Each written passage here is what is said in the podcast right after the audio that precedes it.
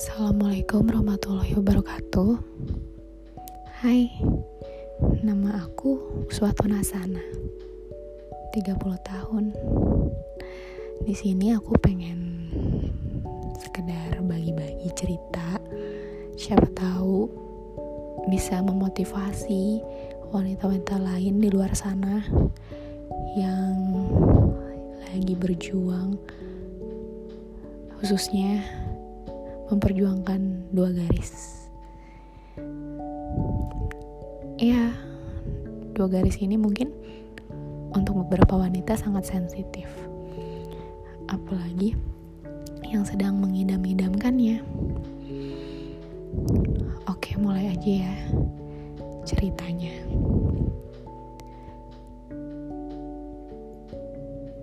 Ketika saya difonis oleh dokter. Sebelumnya kan saya punya riwayat tumor perlengkatan usus.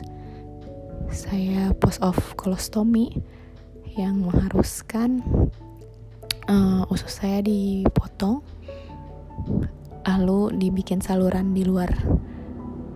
Maaf untuk buang air seperti itu.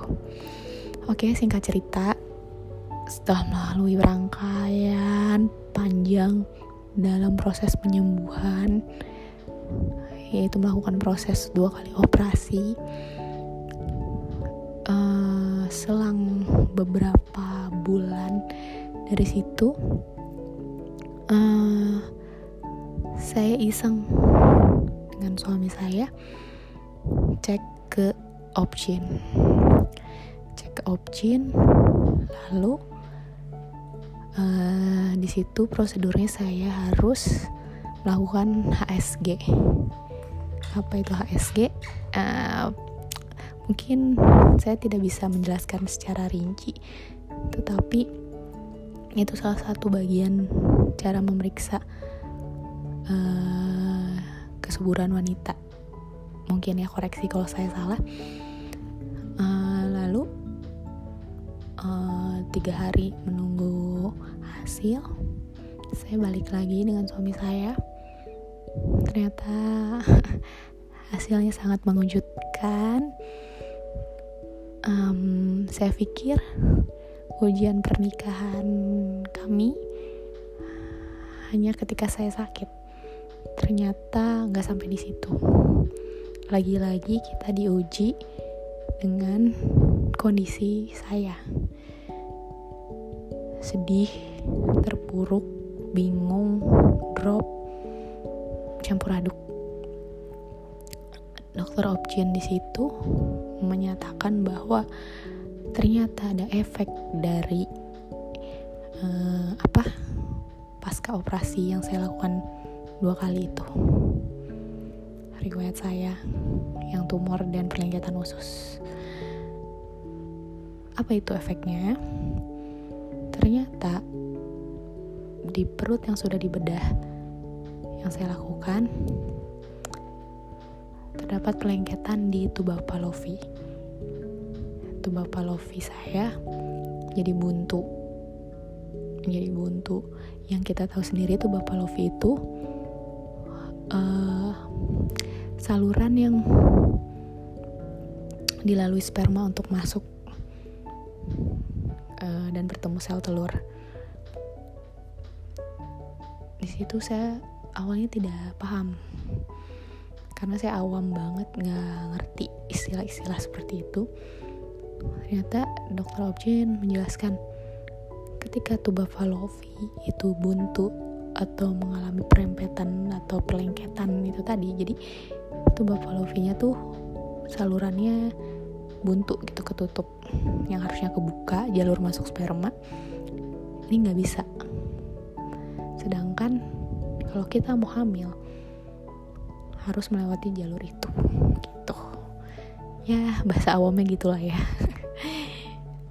Nah setelah dari situ uh, ternyata ada dua opsi pilihan kata dokternya masih bisa bu. Tapi untuk pilihan pertama kan dilakukannya laparoskopi atau operasi lagi pembedahan untuk membuka jalur tuba palovi tersebut. Yang ya kan? Yang itu opsi pertama. Tetapi opsi pertama itu nggak bisa jadi pilihan. Kenapa? Karena uh, riwayat operasi saya sudah dua kali bedah perut. Sangat riskan untuk melakukan operasi lagi. Yang ada itu malah merusak tuba palovinya jadi saluran tuba palovi itu sangat halus dan tipis. Ketika kita melakukan pembedahan lagi akan merusak jalur tersebut. Gitu dan kemungkinan untuk tidak bisa hamilnya sangat besar. Karena ketika tuba sudah rusak maka tidak bisa melakukan pembuahan. Seperti itu. Yang kedua saya shock dong nggak kayak gitu. Siapa sih wanita di luar sana yang nggak shock dengar seperti itu? Saya speechless. Suami saya juga bingung ya mungkin dia nggak ngerti apa gimana. Eh, yang pasti suami saya tetap menguatkan saya. Terus apa pilihan keduanya? Opsi keduanya? Opsi keduanya itu yaitu dengan proses proses IVF ya bahasa yang dikenalnya bayi tabung. Nah di situ yang di benak saya bayi tabung. Pasti tahu dong apa yang dipikiran kita. Uh, masalah biaya tenaga waktu. Seperti itu. Dan kemungkinan bayi tabung dokternya bilang harus cepat-cepat dilakuin sebelum usia 30 tahun karena usia itu mempengaruhi tingkat keberhasilan. Kayak gitu. Nah kebayang dong dengan deadline ketika itu saya usia saya 20 berapa ya? 28 jalan 29 kalau nggak salah. Bingung kan di situ. Kayak wah harus ngejar nih gitu kan. Sedangkan suami saya khawatirnya saya udah pernah operasi dua kali apa saya gak akan merasa trauma atau takut untuk menghadapi proses bayi tabung. Gitu. Terus dari situ oke okay, dengan keadaan saya nangis drop merasa kebayangkan wanita gimana sih setelah difonis seperti itu. Tapi suami saya menguatkan saya. Sambil dia bilang yuk kita cari tahu tentang program bayi tabung seperti itu. Kayak gimana nya karena hmm, kata suami saya biar gimana pun yang nanti bakal apa ya istilahnya ngelakuin semuanya tuh harus keyakinan dari istri gitu. Karena suami saya takut saya saya pernah sakit udah gitu udah operasi dua kali.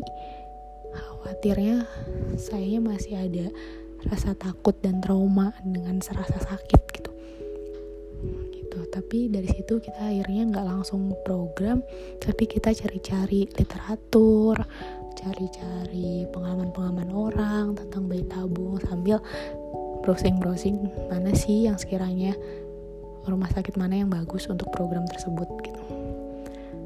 Nah pertimbangannya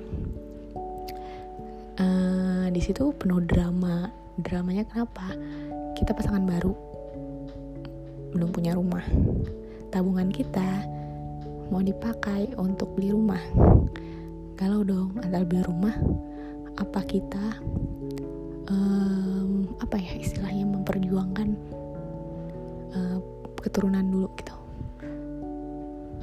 Um, pilihannya gini kalau keturunan itu kan dokter bilang ya walaupun memang balik lagi kekuasaan Allah tapi kan kita harus ikhtiar ya kan? Harus ikhtiar. Jadi um,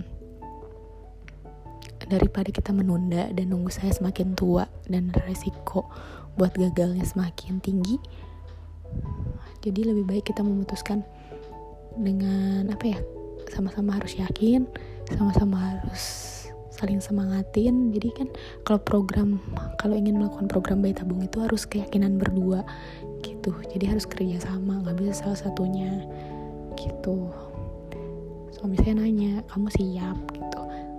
Ya udah uh, kalau aku sih siap karena karena mikirnya istilahnya gini ya kalau misalkan harta ibaratnya kalau materi seperti itu uh, termasuk rumah gitu ya mungkin insya Allah ke depannya ada ketika kita aku yakinnya gitu ketika kita mempunyai buah hati punya anak keluarga lengkap insya Allah rezeki ngalir gitu. Aku sih yakinnya di situ.